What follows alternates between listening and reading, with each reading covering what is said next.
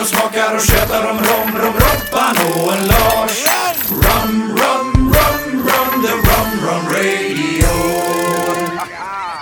Välkommen till ett nytt avsnitt av Romradion. Och idag har vi celebert besök här av Mr Plantation, Alexandre Gabriel. Eh, så det här avsnittet kommer bli på engelska. Så nu får ni spetsa era öron eller så får ni köra Google Translate. För nu blir det åka av här i romvärlden. A big welcome to you Alexandre. It's a great pleasure to be here. Wonderful to be in Sweden. Fantastic. Well, it's uh, after a few little um, incidents here, we are up and running, and we're actually on historic ground because this building used to be the Vin and Spritcentralen, like where the old monopoly of the Swedish government, where they were doing all their imports of wine and spirit. Such a beautiful building and a beautiful city. Every time I'm here, I'm just like, this is beautiful. All the copper, you know, when you know copper as a distiller, we love copper. And you guys like Shiny. instead of doing pot stills with the coppers, you probably did some, but you put it on the roof and it's beautiful. Yeah, It's beautiful. It turns green, however, in the in the weather. It's nice. That's how it is.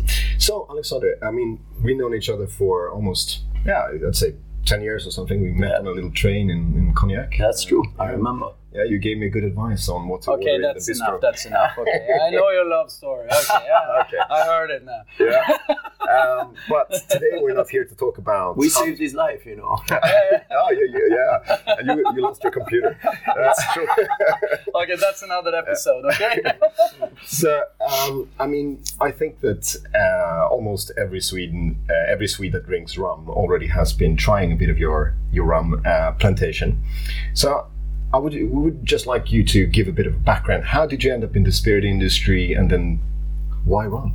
I mean, you're in you're in cognac. Yeah, no, you're right. Well, actually, uh, I grew up on a small farm in South Burgundy. I was born on a farm, small, you know, multicultural farm, in a small village. And uh, people don't realize, you know, you know, it's when you do this, you learn farming, you learn, you grow things. And I've been harvesting grapes since I'm a kid. And I grew up with my grandparents. I didn't grow up with, uh, and uh, my parents and, and a bunch of cousins. And um, and you know, to my grandfather, the the wealth was in the land. You know, you grew things on weekends I planted trees, you know, and so my friends were having fun and and so I've learned to graft, I've learned to do things and my grandmother always thought like, you know, you have to visit the world, you have to do otherwise you'll just be here, but you need you can come back with and she always believed knowledge will take you, you know, to different levels and I always loved it. And and so what I did, my you know, so I've learned to make wine at an early age. My first exposure uh, exposure to distilling, I was ten years old. My grandfather told my grandmother, "I'm going to show the kid. I'm going to show the kid how to distill." It was Marc de Bourgogne. I don't know if you ever guys tried Marc de Bourgogne. It's the you know in a farm you don't throw anything away. So when you press the grape, you have the the must, and that must you weir water it and you make a spirit with it. Now, if you have no hair on your chest, you want to grow some. It's the surest way to make it happen. It's got all these intense, tense, tense flavors. And I was 10 years old, and he showed me, and it's a very, very, very defining moment for me actually because we're there in this this, this little distillery with an ambulance still, and he says, first you taste Marc de Bourgogne with your ears.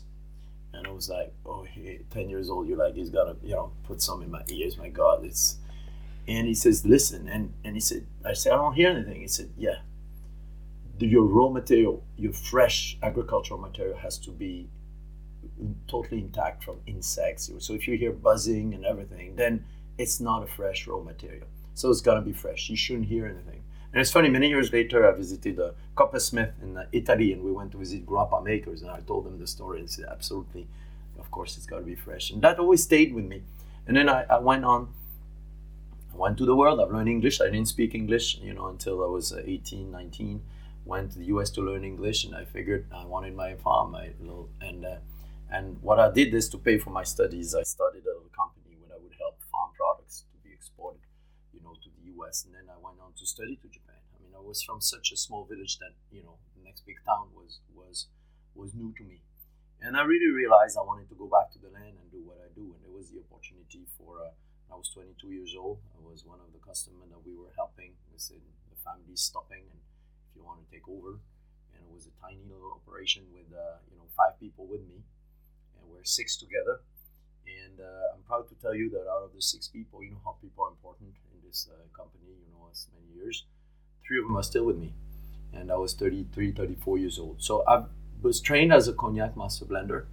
and that's a tr- 20 year program and where you learn every type of wood i'm actually writing a book now about you know barrel aging everything i've learned because there's no it's not a written culture it's all oral and i, I would like to put it on paper and then um, i have a son charles now 25 who wants to do this so and and everybody's so young and talented in the company you know we have to think about the new generation and so you know um, i really uh, was making a, a cognac from and one barrel at a time, and the company grew. and And I pledged to the team 34 years ago that I would not take dividend. We would reinvest all along, and that's what we did. It's we're very horizontal. Very it's more a community, really, Maison Ferrand, and. Um, and that way we developed, you know, and and and you know, God is still to see and God, the, you know, we have our own vineyard and we grew the vineyard step by step, but it's 34 years in the making. Yeah. And I discovered rum because, you know, um, when you run a farm, you make do. And especially when there's a little farm like this. And I had all these beautiful rum, cognac barrels. And after a while, I like recycling, reusing and things. So we would restave the barrels. But after a while, you sell your barrels because they can have another life. Because a wonderful whiskey maker is going to be, I want to a barrel. Or, and and um, I, I knew some people in the Caribbean because I've worked with a lot of master distillers because I think knowledge is pleasure the more you go and you work with other distillers, in my life, I worked with close to 60 master distillers and master blenders, and we created things together. Most of it not commercial expressions or some commercial expressions like we have here on the table. So long story short, in the end, I went to the Caribbean. I, I, the Barbancourt family, you know, the, the people who runs Barbancourt, the Gardère family, Thierry, now he passed away but uh, we we met and he bought some cognac barrels and I really discovered rum. And what I love, we had that conversation before the show. What I loved, you know, coming from a very regulated uh, uh, um, uh, product, which is cognac, which a lot of things are defined. Rum has actually definitions people don't realize, but they're like wine, they're different per region. And rum had such a depth of techniques mm. and a breadth of expressions that I fell in love with it.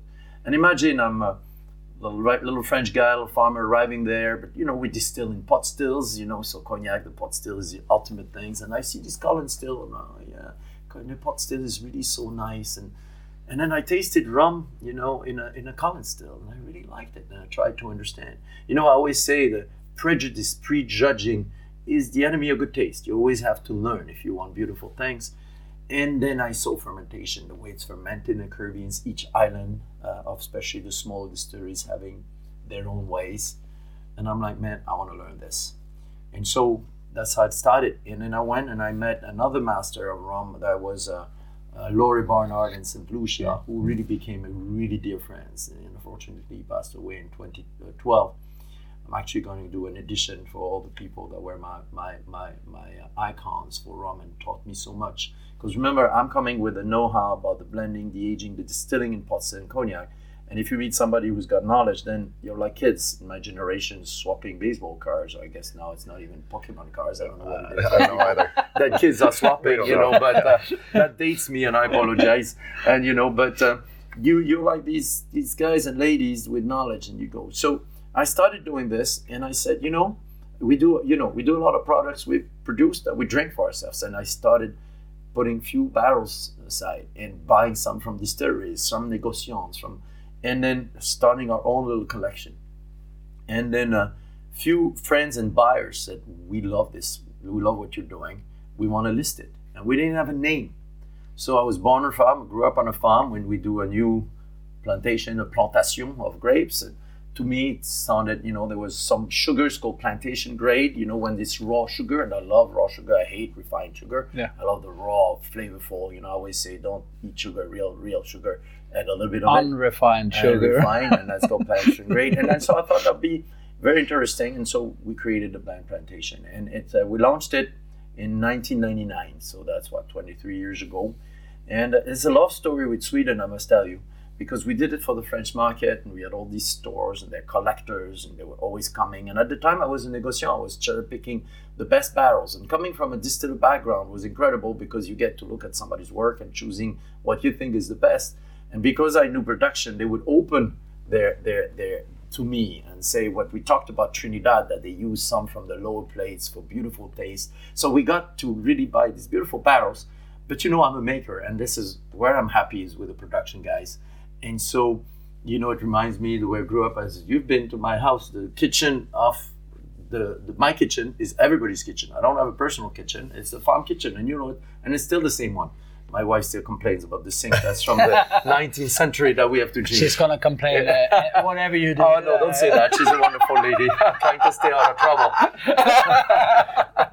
so, uh, so really, a long story short, you know, we we we did that, and I was like, hey, you know, would be great to get married with a distillery because I don't see it as a purchase; it's a marriage. It's a marriage of two teams. And at the time, we were 40 people, and we're looking at different distilleries, and I looked at quite a few, and I know them intimately. I mean, intimately, like all these family distilleries, and say, "Would you like to be partners? Can I, how can we do this?" And actually, Laurie, that passed away, that uh, ran uh, uh, Saint Lucia Distillers, had just sold it a few years before to a conglomerate, and I was like, I sh- because his son was not interested, and he's like, I should have known we would have done this together. And when he passed away, his, his, his, his wife Pauline said, I don't know if you knew, but he was trying to buy it back so you could you could own it together. And and he kind of mentioned it, but I thought it was kind of a pleasant conversation. She said, no, he was working very hard at it. Then he got cancer and died very quickly. And so it was a very sad day for me. And we've learned so much. He opened the doors to the Caribbeans for me. And Laurie was uh, uh, a very iconic man of rum and uh, taught me a lot of things. And, and so how I got, and then I looked at different possibilities and and there was this distillery, West Indies Rum Distillery, uh, 80 people, you know, incredibly talented. So many archives about rum making. There's a vault that contains drawing of stills, uh, recipes of fermentation. Some of them I'm using a little bit of seawater and all this, going back to 1893. Debates about what type, you know, should rum be aged, 1930. You know, all these that are all written.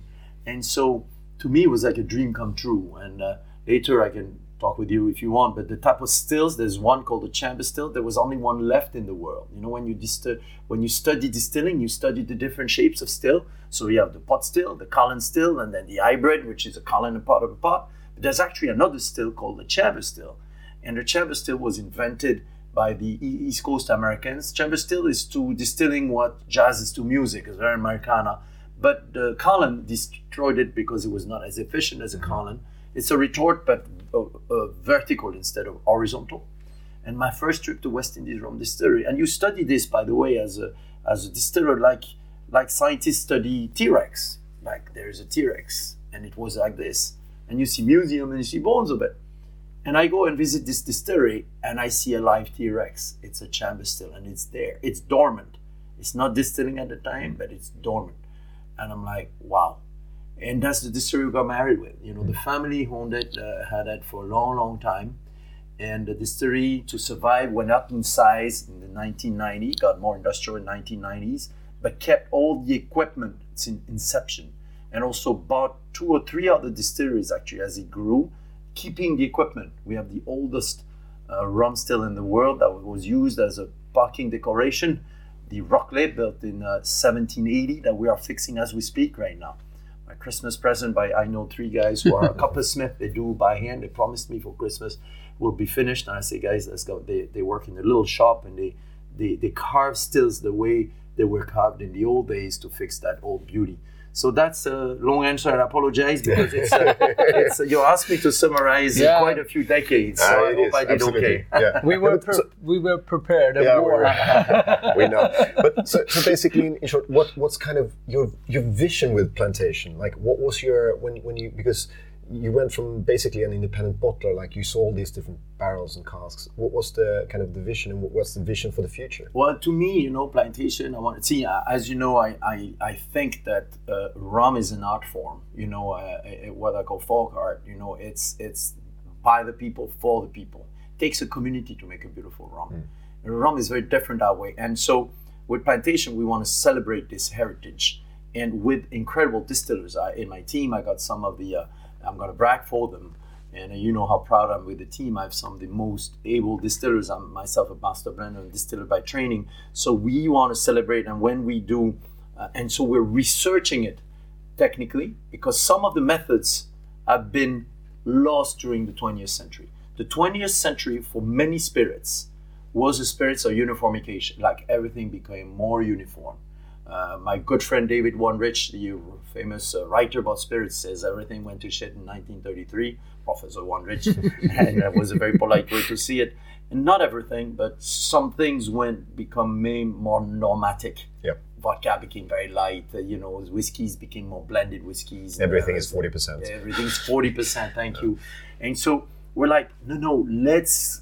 And I do a lot of research, and let's go back to this beautiful expression. Let's celebrate them. So if you do, you know, Barbados, we work with this iconic distillery that, that is ours now. But again, it's a marriage with the team. We kept everybody on board, and we're using this old equipment and these old methods. Yet we know so much now that we can understand why people are doing this. And of course, it's alive. We continue. Earlier, we talked. We're now distilling also cane juice with molasses, and so because rum is alive. So with plantation, we want to celebrate these very specific heritage and, and also get inspired to create the rums of tomorrow, both in depth of knowledge and te- you know techniques and in breadth. Because the beauty of rum is two producers from two different islands will will see rums totally differently. Will produce two equally beautiful rums that are totally different. Today we have six bottles of rum on the table. Yeah. Fiji, uh, you know, Jamaica, uh, Guyana, uh, Australia, and Trinidad, and and you think they're all gonna be somewhere at one point, one gonna be with the same. They're totally different, and that's what I love to celebrate, both as a distiller and still as a master blender. I think that's uh, sums it up quite well, and also, I mean, that's the beauty of, of also a, a bit of the name because it, it kind of just shows that you have this, uh, as you said, uh, this agriculture background, and uh, the you you have all these different plantations all over the Caribbean, where you, or not just the Caribbean, where you grew sugarcane and made rum. So uh, something that we heard from a lot of our uh, listeners, we we ask them like, what kind of questions do you want to ask the rum producers that we meet? And one question that many people come back to is uh, the recent change of the law in or the definition in Europe of, of rum, so to speak, with, when it comes to sweetness. And I mean, uh, previously there was no cap, kind of, but still there was a cap in a way that because it depends on how you interpreted the, the regulations. I mean, to me, I would uh, I would say sweetness is a one of our basic flavors, and you couldn't sweeten rum, or you couldn't flavor rum. So is that is that like a definition, or how, how do you see what?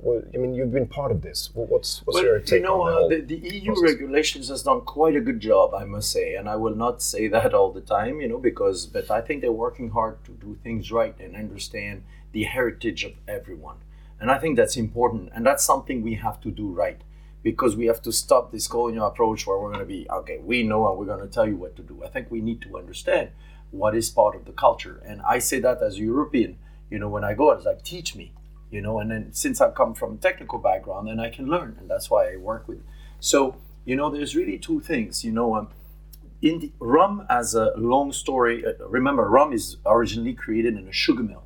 So they use molasses which is when you make sugar again in old farms you don't throw anything away so they make sugar you create how you make sugar you take juice you warm it and it crystallizes the crystals you export or you use locally and then what's left it's a beautiful thing called molasses which is like like the consistency of liquid honey and, and darkened sugar, really cooked and so on. And the guy's like, we're gonna make a drink with this, and they made and invented rum. We think at least 1651 from Barbados, you already have people doing this. British Navy starts to drink it in 1655, so this probably was before that. And so, but at the time, and you see this in, in, in very historical, very important historical book, like for example the uh, Royal Commission to Spirits and Whiskey, uh, you know, uh, 1909, where they explain that you know they're using caramel that they make with the same sugar that they make the rum, and they so they take what we call sirop de batterie, you know, like the uh, the, the, the sugar uh, liquid, and they they warm it and they caramelize it. In Barbados, it's called browning, and so you know, and then when you do browning, and it's even defined like this when this Royal Commission 1908 has a little residual sugar. Now, as business developed, it gets more industrialized, and you got what is called E150A, which is sometimes called spirit caramel, but when you look at the color of the what we drank earlier, that's also the you know, Coca-Cola use uh, one E150A. And personally, I am more in favor if it's made with cane. I'm okay because I think rum should just be about the cane. in its different form. But I love the artisanal browning, and, and we're trying to make sure it's all produced locally with local sugar. And yes, it has a little residual sugar. And as a master blender, you use the browning in some rums and some not. And as you know, we're fully transparent. It's on our each of our label, and that's a tool. Same with champagne with dosage. The term in Caribbeans is called browning. In Europe, in France, we call it dosage. So you have that, and it creates a little residual sugar. However, you want to cap the amount of residual sugar so you're not drinking a liqueur. Now, as you know, liqueur is uh, 100 grams per liter. Most liqueurs are 250 grams. A, a creme is a minimum of 200. 250, 250. Yeah, most liqueurs are 250 grams per liter. Uh, a creme is a minimum of 200. You know, there's, there's a, uh, you know, chartreuse, there's a lot of sugar and stuff. So, you know, but I think it's a rum, so that dryness is important. So there's a cap, like for example, cognac is a cap at, at 16 grams, brut champagne is a cap at 13 grams, etc. So we thought, you know, with a lot of producers, when some marketing rums starting to go with like just sugar, that were like syrupy, this is not rum. And so we talked to different producers, and because as you know, uh, Central America is a little sweeter palate and stuff. So how do you respect this? You know, again, not making just one rum and so on, yet keeping the integrity so it's still within that category. So there's a cap of 20 grams per liter, which I think is a great cap. You know, it's because at that point, you know, you're not could be 15, that would be okay too. But you have to respect, you know, uh, uh, South America, which was a little heavier, somewhere slightly heavier, but that was a consensus. So I, I have a question. Your your brand, Le Plantation, is really, really, really honest on what you're writing on your bottles. It's really easy to know what you're getting.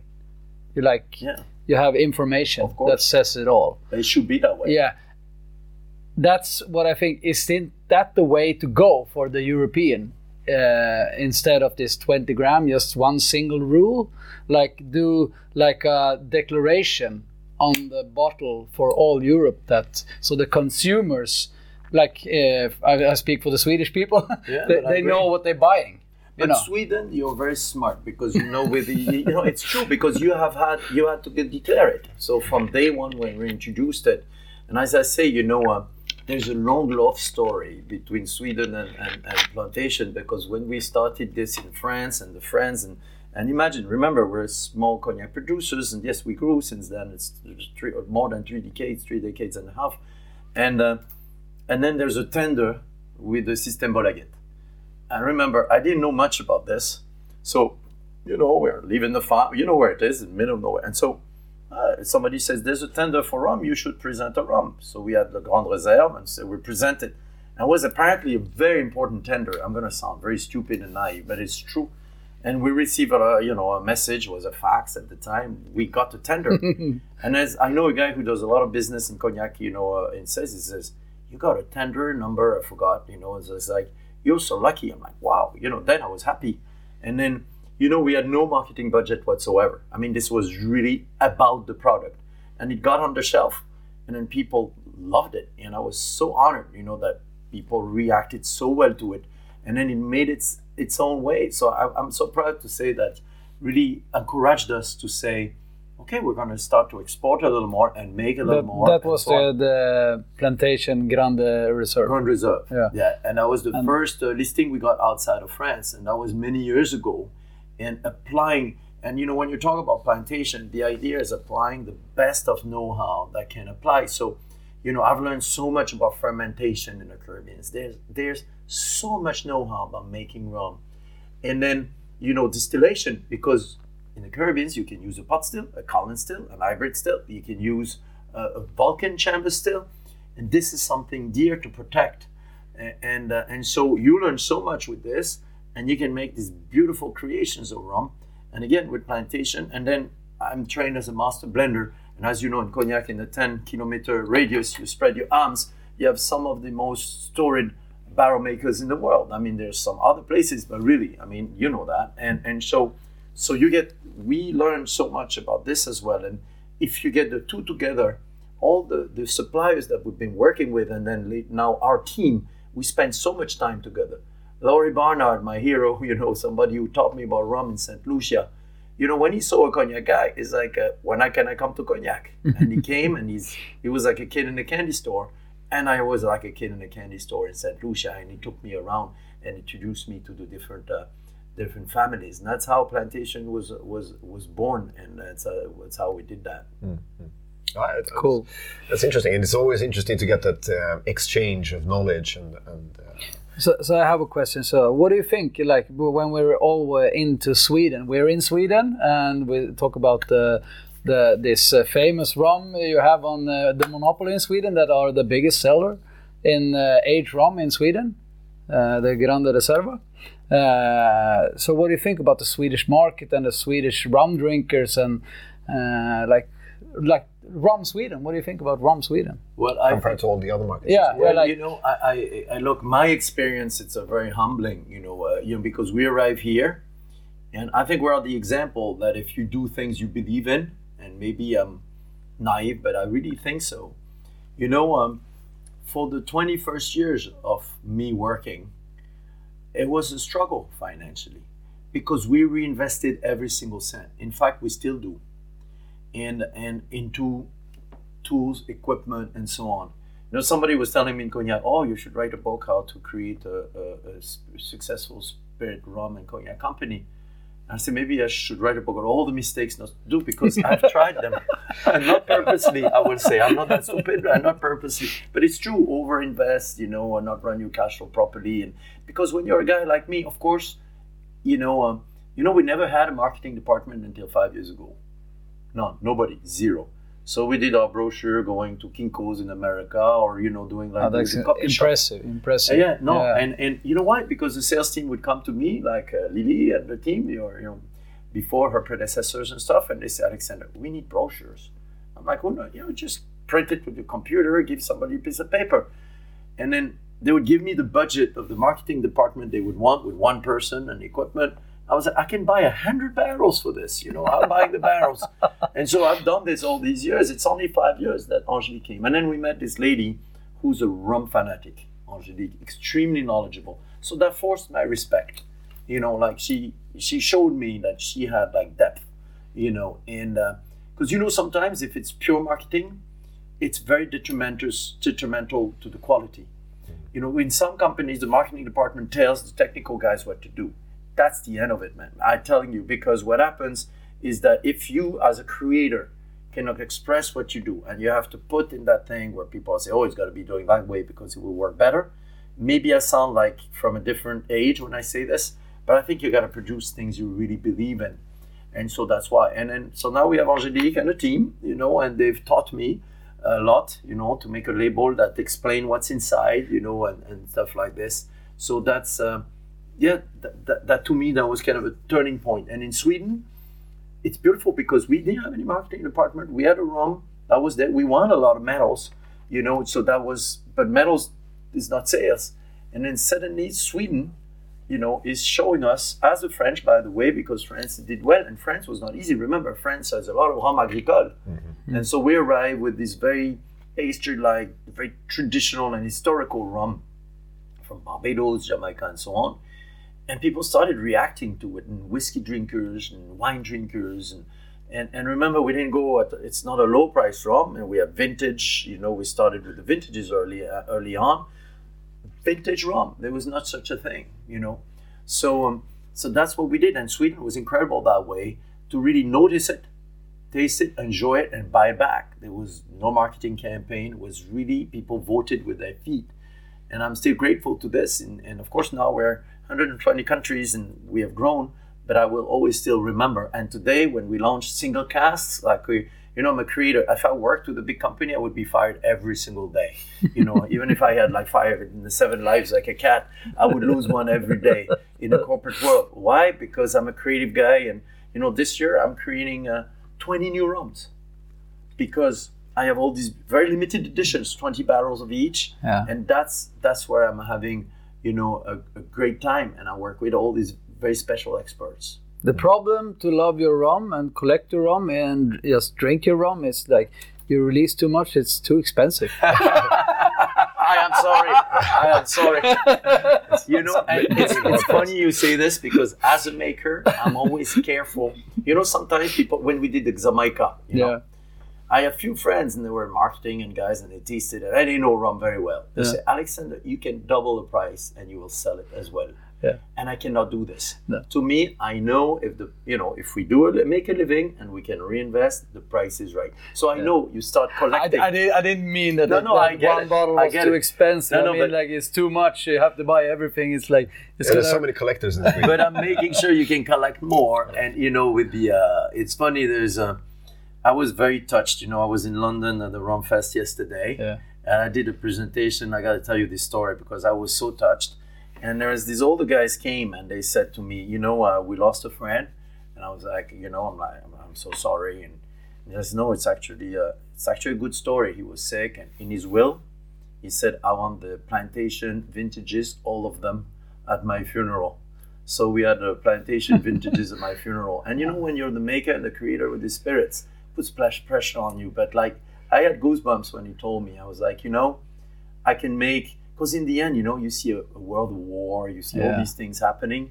I think our job, and you're from a bartender, by a high level bartender background, isn't it our job to make the life of people a little better? Yeah. You know, and of course, in moderation, we don't make drinks to get people stupid, but smarter, I think. Yeah. And you know, uh, another thing recently, I had, uh, you know, our distributor in Ukraine gave, gave us a, a phone call and calls me once in a while. We actually did a uh, fundraising, so there's a bus taking people back for the, the women's and the children, right? Because they the guys want to fight, but the kids they don't want their kids to die, right?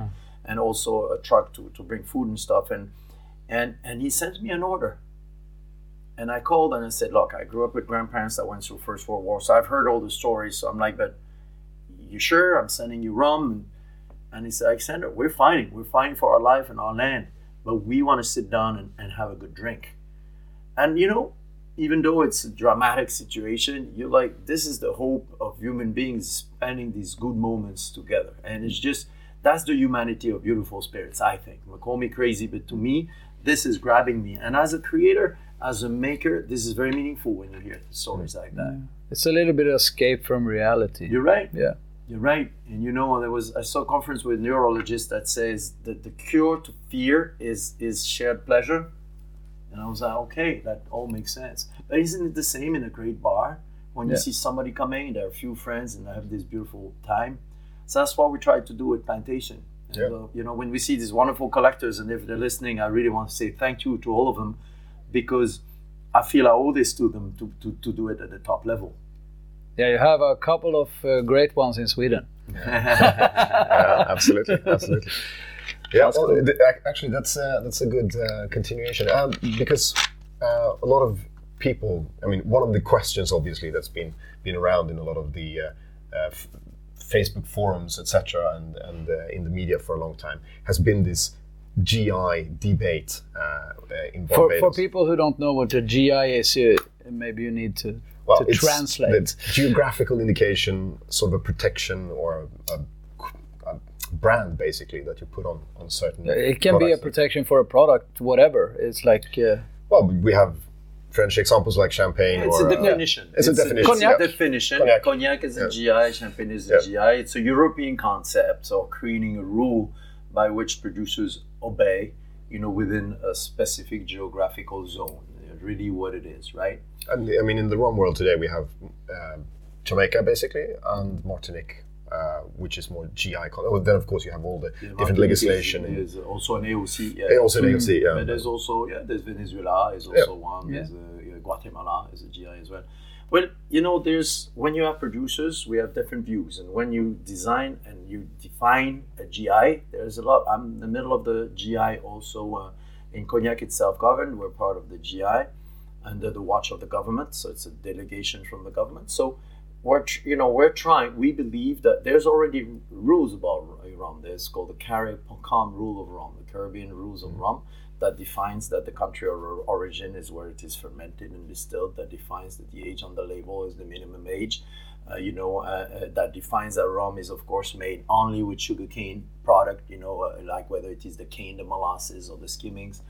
And so the very important in structuring things, and that's been in place for decades, more than 50 years, and that's that's also true in Barbados and it's also in, in, Jamaica. And then the idea is Europe is promoting the idea of a GI, saying, okay, you should maybe go through the European GI system. So a country has to do it first in their country and then register it in Europe.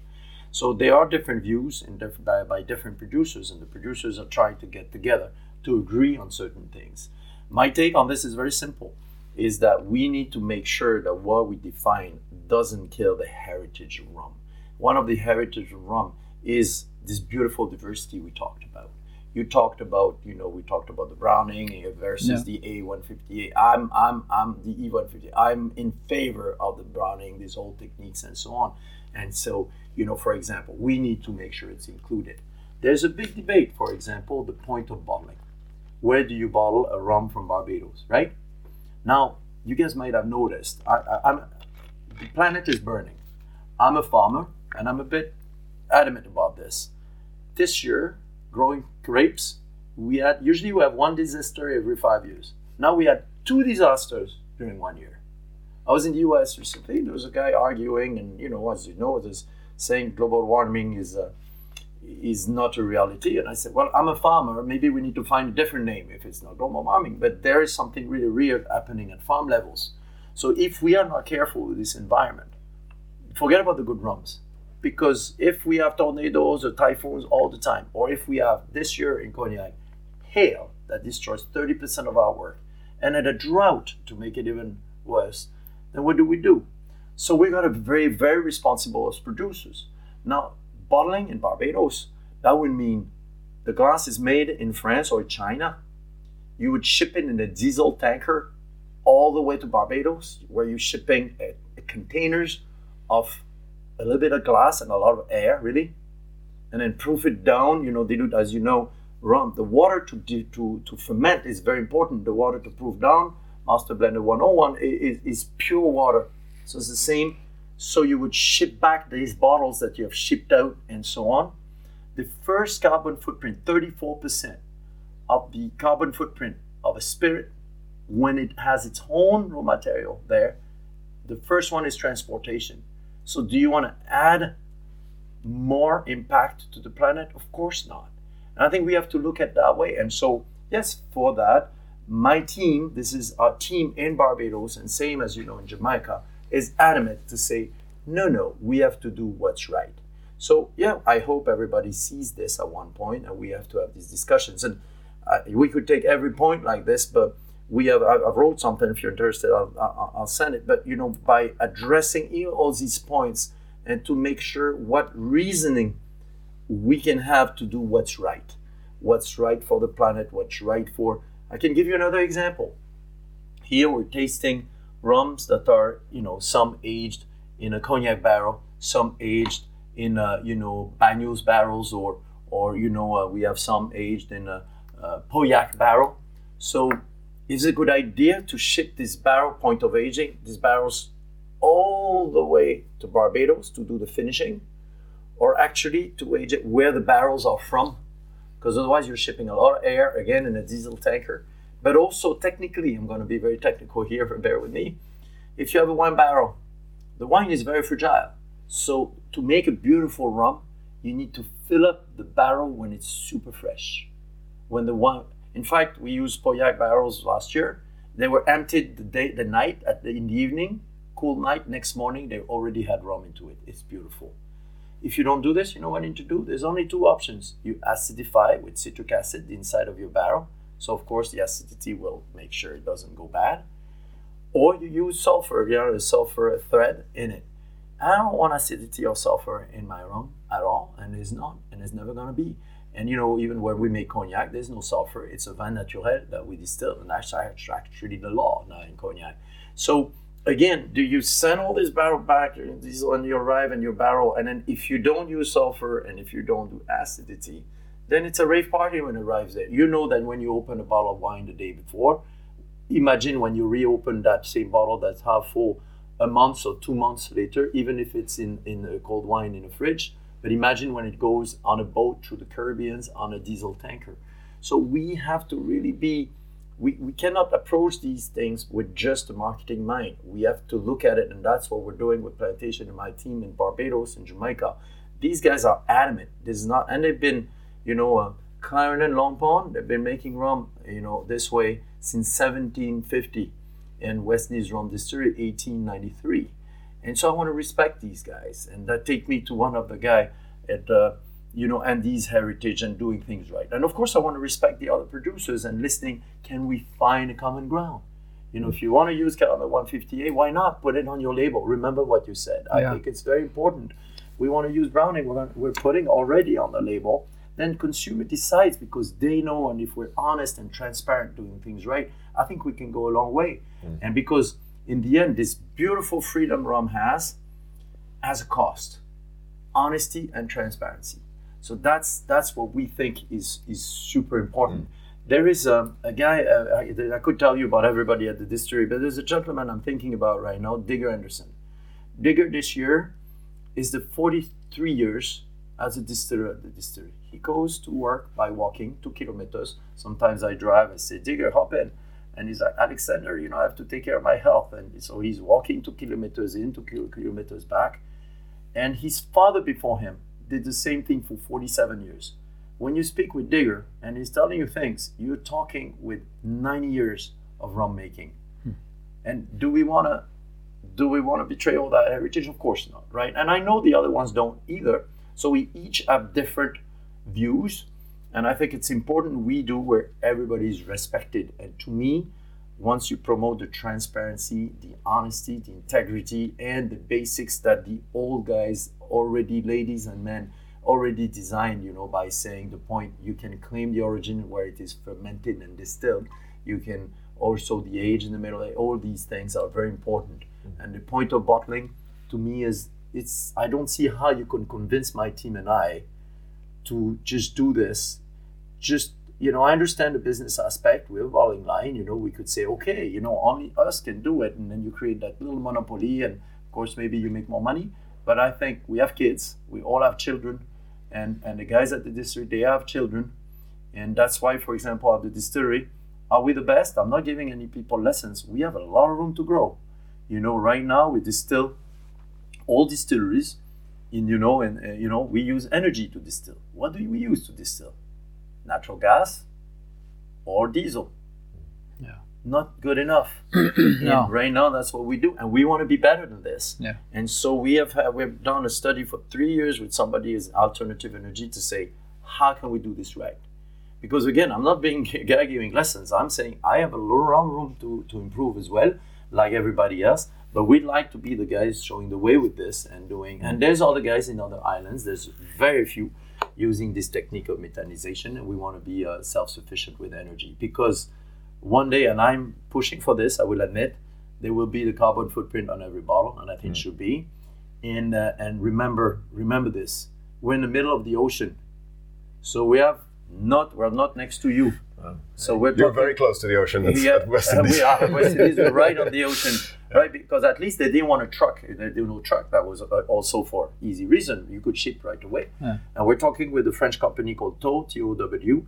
They're doing this super high tech sailing ship because that's also part of the of the future. So all this to me is really important and it's intertwined. Yeah. We're about quality. We're about excellency. We're about beautiful moments. It cannot be done at the cost of people's life. That's why we are Bonsucro certified, the people and company. That's my team. That's not me telling you. I'm speaking in the name of a whole team. And then uh, we are, uh, you know, the energy aspect is something we have to be careful because if we, if we screw up the planet, this is not good. And I'm, again, I'm not giving any lessons. There's a lot of things we can all do better. We're just trying to live true to what we think is right. How would you say, like, uh, because uh, as you say, transparency is, is, is key to both educate rum consumers and also make people understand what they are drinking. Because, I mean, obviously, we've seen a lot of, um, especially the last 10, 15 years, a lot of new brands popping up from nowhere. Uh, and, uh, and um, but how can we kind of advocate transparency within, I mean, within the, the um, amongst producers so that uh, consumers actually can Lars, it's a great question, and I think the answer is the way the world goes because the younger generations they want to know. I have a mother who's an artist, she's very new age, and since I'm a kid, she reads every label. and She's part of these consumer groups. I must admit, she's very, very progressist, and and, and to me, she's a benchmark. You know, even though I you know, she's a sculptor, and we, we really and I always each time i saw her was always about like this, and, and and you know she was the first one to know about the asbestos scandal. You know, a, you know so. I think we need to know, and you see it in a lot of food products. So why not, you know, into spirits? You know, we are we should be ready for this mm. because people trust us. They should, but that's not a reason enough to just do this. And as you know, our distilleries are full open. You stayed at the distillery. You can visit. You can see what we're doing, how we're doing it, and I think it's going to be people willing and regulation. You know, in that sense but that's part of Europe is now asking more and more to put on the labels. Uh, the US also, and so I think it's the, the, the, the sense of history. So your question is how we can promote this. I think a by example. You know, you do that, and, and people should uh, say, okay, why don't you show me? You know, I want to know.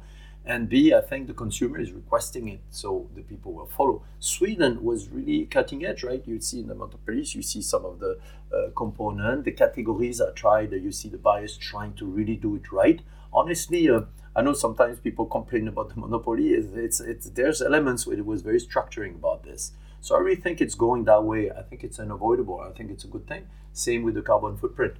You know, uh, um, uh, that's the one day it's all going to be on the label, but shouldn't it be? Yeah, exactly. don't you want to as a citizen you know as as, as don't you want to, to do this Yeah. you know uh, and and the way i grew up you know I was it was a farm with six kids two grandparents great aunt and, and, and uh, three or four workers everybody living together and the amount of waste was very limited there's a lot of compost you know some you give to the to the to the chicken uh, to the, the the pigs and and then there was not a lot of plastic and you didn't go to the shop you grew a lot of things now a family of four you know there's so much weight so i think we have room to grow and i Yeah. think it's not that we, we as rum producers we have to be part of this How do you see? I mean, that's sounds uh, interesting. Glass bottles.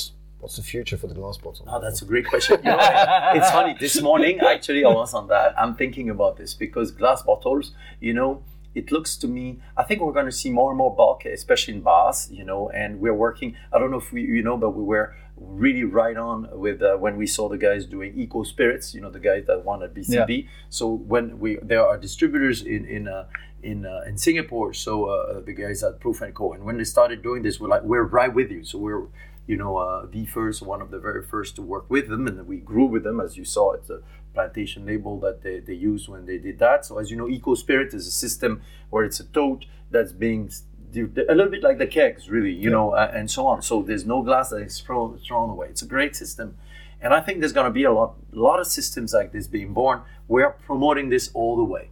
Why should you throw all these bottles?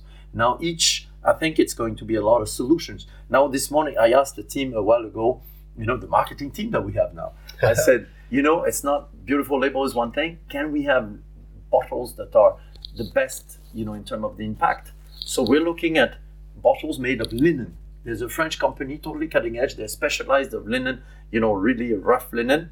And so there's inside a slight, very, very tiny, tiny little uh, uh, coating of PVC inside, and it's linen. And they've done all the uh, testing. We're doing all the testings, you know, but it's totally biodegradable. I mean, if it's wet, it's just go and it disintegrates. And even the cork. So we're studying studying that, for example, and it actually looks nice. It's woven uh, linen, and so I think as producers, again, we have to do the right thing. And I really encourage for the moment, we have glass and we try to lighten up the bottles. Uh, um, not all are light as they, I would like them to be. The Grand Reserve is was the first work we did with 540 uh, grams. Yeah, because it's also balanced. If they get too fragile, you know. It's, Yeah, you want to make sure they don't break. But you see the straw on the label, Yeah. on the bottle. In the old days, they did that because they recycled bottles. So in small markets like Barbados, for example, where it's easy to collect, then you can collect. You take the straw out. We're going to change the glue at the label, so uh, it can easy to act. Uh, And then uh, I found a little company, they're uh, friends of ours, and they're willing to c- collect, clean, and sell us back our own bottle at the cost it would cost to import them, so they can be a circular, you know, use. So in a smaller community, it's possible to do that. So I think there's multiple solutions. The solutions for the bars and so on is really probably the bulk, you know. And Yeah. think about it very often. It's like the quality of rum. You look at the way guys were doing. I learned so much from old writing of master blenders, master distillers. Our West Indies Rum Distillery, we got right, written documents, shapes of stills that we're using. But in the old days, there was on premise was these barrels that they were filling. So I mean, we that's, that's how we got aged spirits from the start. Yeah, you're right. We have some uh, we have some glasses here, so uh, maybe we should uh, We should drink. try something. Absolutely. So here we have. Uh, actually, you said to bring one bottle, and I brought six. So uh, and uh, and this is the single cask collection. As you know, every year we're celebrating. Remember, we're talking about reuse. This old tradition of rum. As you know, 99% of rum is aged today is bourbon barrel. 199.9% actually. And in the old days, people reused every barrel. They didn't throw anything away, right? And I like that. And so it became an art. You know what do you and and so with the single cask every year we celebrate this art by doing usually 15 different expressions using as you can see the you have a 21 year old uh, here uh, you know from Fiji my good friend Liam Costello if he's listening ever he's probably making rum right now or sleeping and uh, you know with the time difference in Fiji is an incredible talented distiller. This is distilled in 2001. And, and, and then I use a Rozelieures. Rozelieures is a, is, is a French whiskey where he makes, he grows his own, uh, you know, barley. He does his own malting. He's got distilling himself. And I really would like this little smoky touch to it that I did.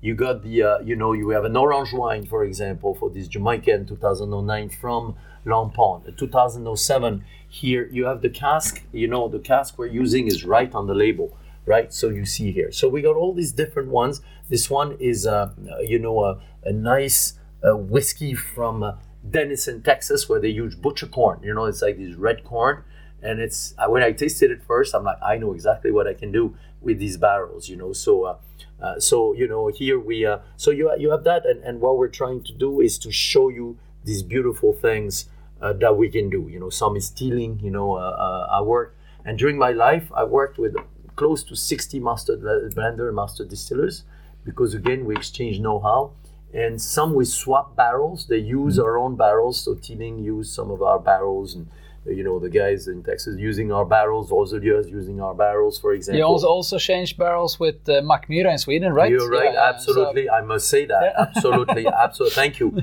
You're doing my job very well.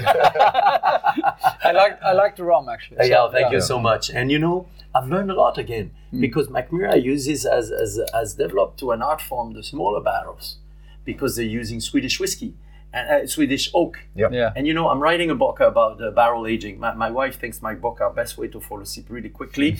I wrote one about the history of Grand Champagne of Cognac. I don't think she was trying to be nice when she said that, but they're very technical. But you know, uh, the idea there, I wanted to learn about Swedish oak, and I've heard, heard about their work. How they would recap the barrels and do that. So I got in contact, and Eric said, "Actually, we'd be interested with plantation barrels."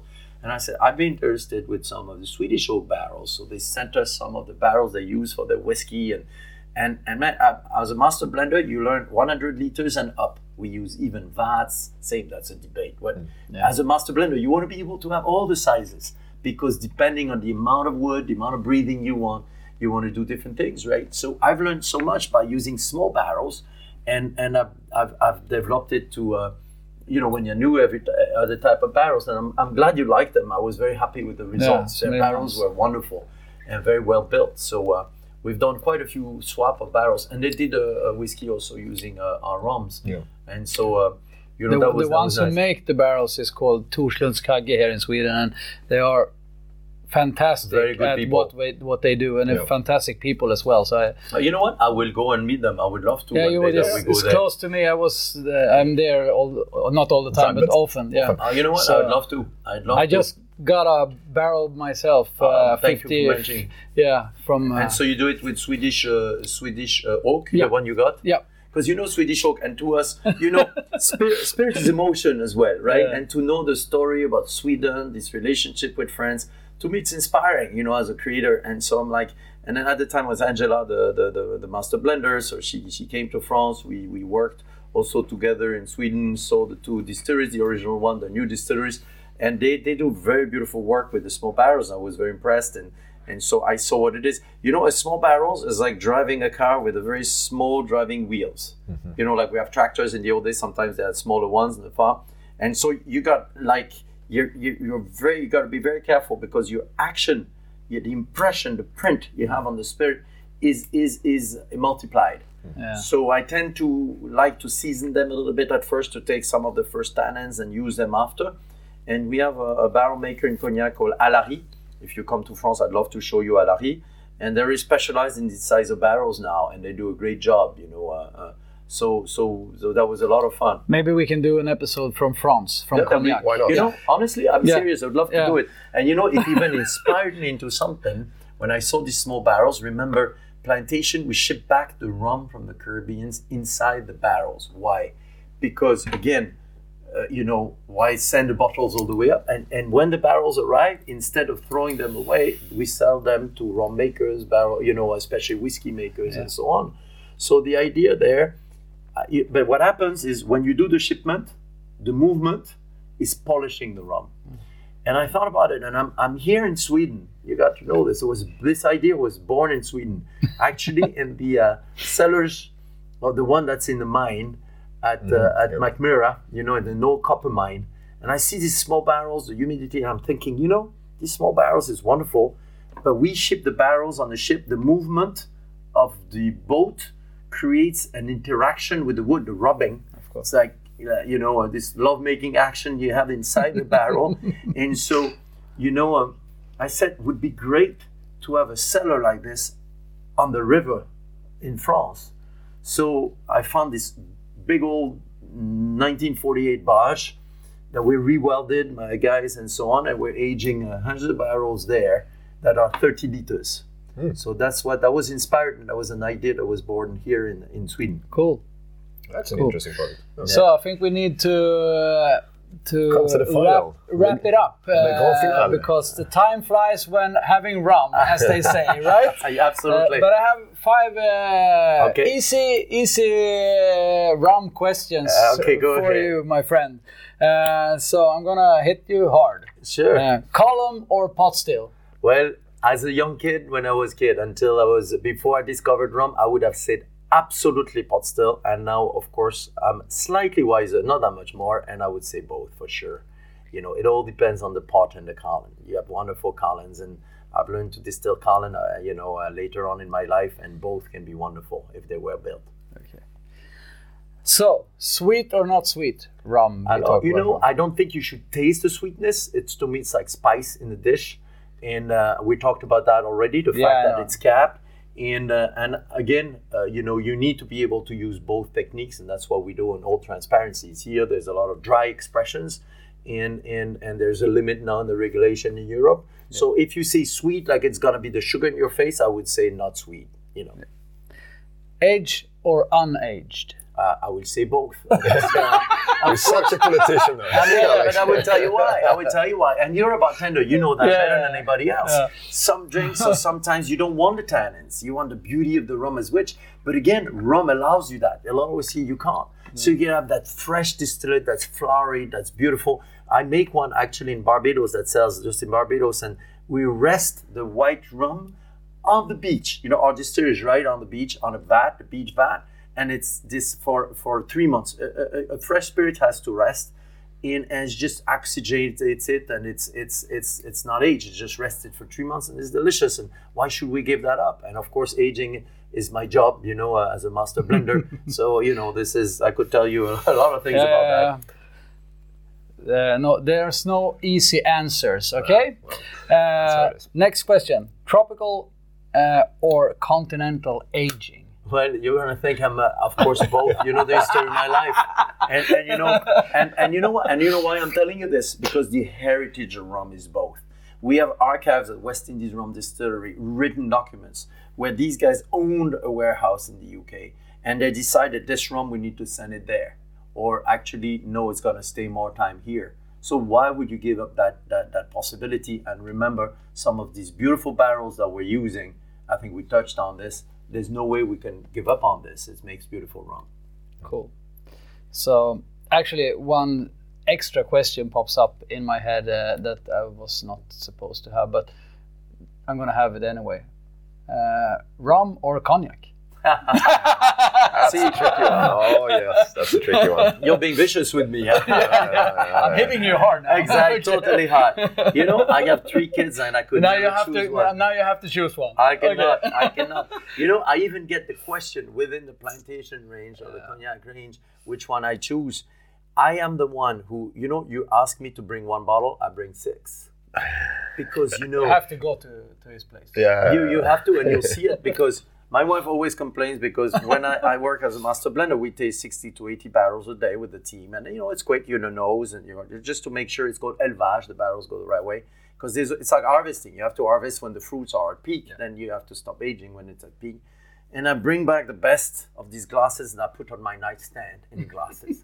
and I love to read like a good book and Debbie's already asleep and it's okay. And and, and I'm I'm I'm just reading and I'm smelling and I'm nosing and just a little sip. You don't really need to drink. And I got five or six glasses on my nightstand. And you're asking me to only have one? I said, no way. I'm still gonna have these six glasses on my nightstand. Okay, you're you're excused. Okay. Thank you. But I have one uh, last question. This is uh, quite important for me because I, I am releasing a book uh, next week, uh, a little uh, about uh, the the hunt of the perfect rum and coke. So, how would you like your rum and coke? Uh, it's funny you say that because, as you know, with the Cuba Libre, there's a long history Yeah. about the rum and coke that dates back. You probably know better than me because you wrote about, you know, in, in, in, in Cuba. See, what happens, it's all about balance, like anything, as I'm going to answer to you as a master blender. if you, as you know, coke flavor wise is very potent.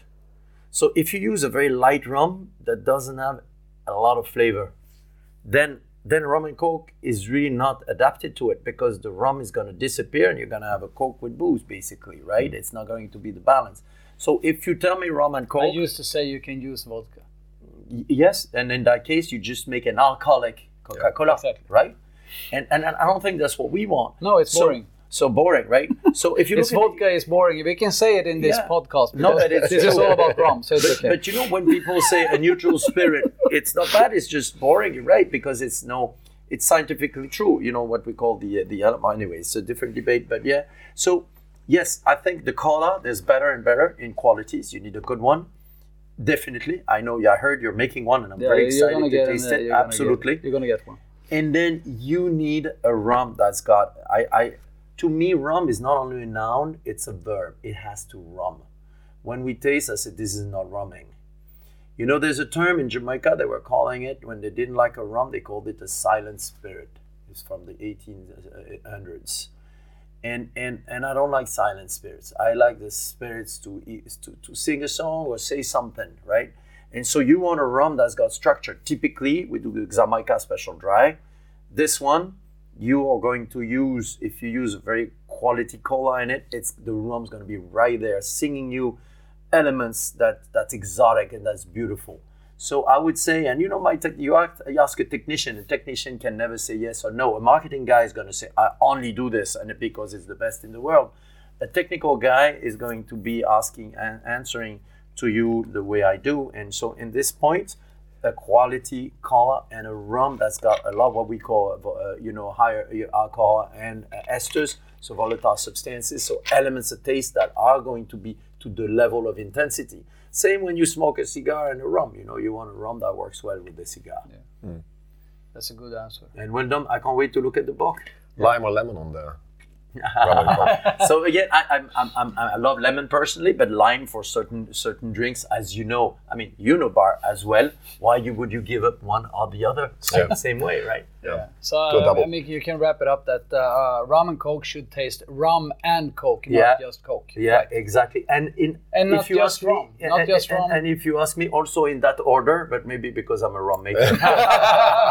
So a big, big thank you for Thank your you so time. much. I know Thank it's precious because Thank you. you're a busy man, Well- uh, and uh, thank you very much for uh, being here in Romradion. thank you, and I think you. all the Sweden is gonna say salute and drink rum. Uh, Absolutely. You, you, you know, you guys are really wonderful. You you know what you're doing, and I'm very pleased. And I always say, uh, rum is too short. Life is too short to drink bad rum. So this is something you know, and and drink a few at a time, just not one, you know, but don't drink it too fast. And that's the beauty of it. Enjoy but thank it. you so much. Enjoy it. Absolutely. Thank you, thank you, Alexander. Thank you. Always thank a pleasure. You. Thank you. Guys. Thank you. It's a pleasure.